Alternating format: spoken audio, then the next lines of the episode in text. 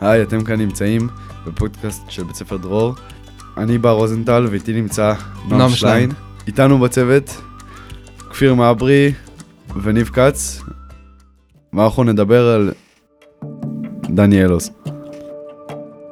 מחנך, קיבוצניק וסטנדאפיסט. נכנס לחדר. זה לא בדיחה, זה חייו של דניאל לוז. בשנים האחרונות גילה תחום חדש, סטנדאפ. הוא בן 90, שחקן שמפחד מהמוות. אבא שלו נולד בארץ ועלה לצרפת. הכיר בחורה פולניה, ודניאל נולד בצרפת. ועלה לארץ בגיל 16. שרד את השואה ואת הטבח בבארי.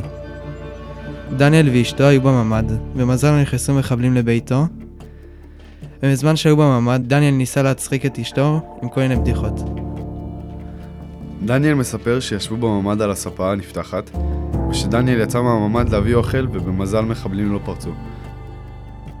לאחר כמה שעות היו דפיקות חזקות, דניאל ואשתו, שנכנסו מהר לממ"ד, לא עשו רעש.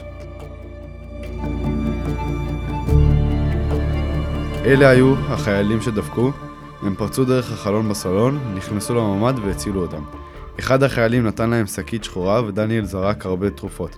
נכנסו לרכב, לאחר כמה דקות עלו לרכב עשרה ילדים וזוג הורים. לבסוף הגיעו לבית מלון, ועד היום מתחילת המלחמה נמצאים שם. זה סיפור אמיץ. סיפור גם. אה, מעניין. אה, מבוגרים, בני 90. זה לא, כן. לא סתם.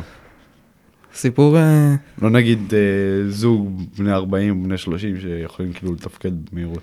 אה, זה שהוא היה בשואה ו... וגם אה, שהוא שרד, את- שכאילו שהוא שרד את מלחמת העולם השנייה בשואה ובכלל, עלה לארץ בסוף. ועכשיו שהוא ניצל גם מהטבח. מבארי.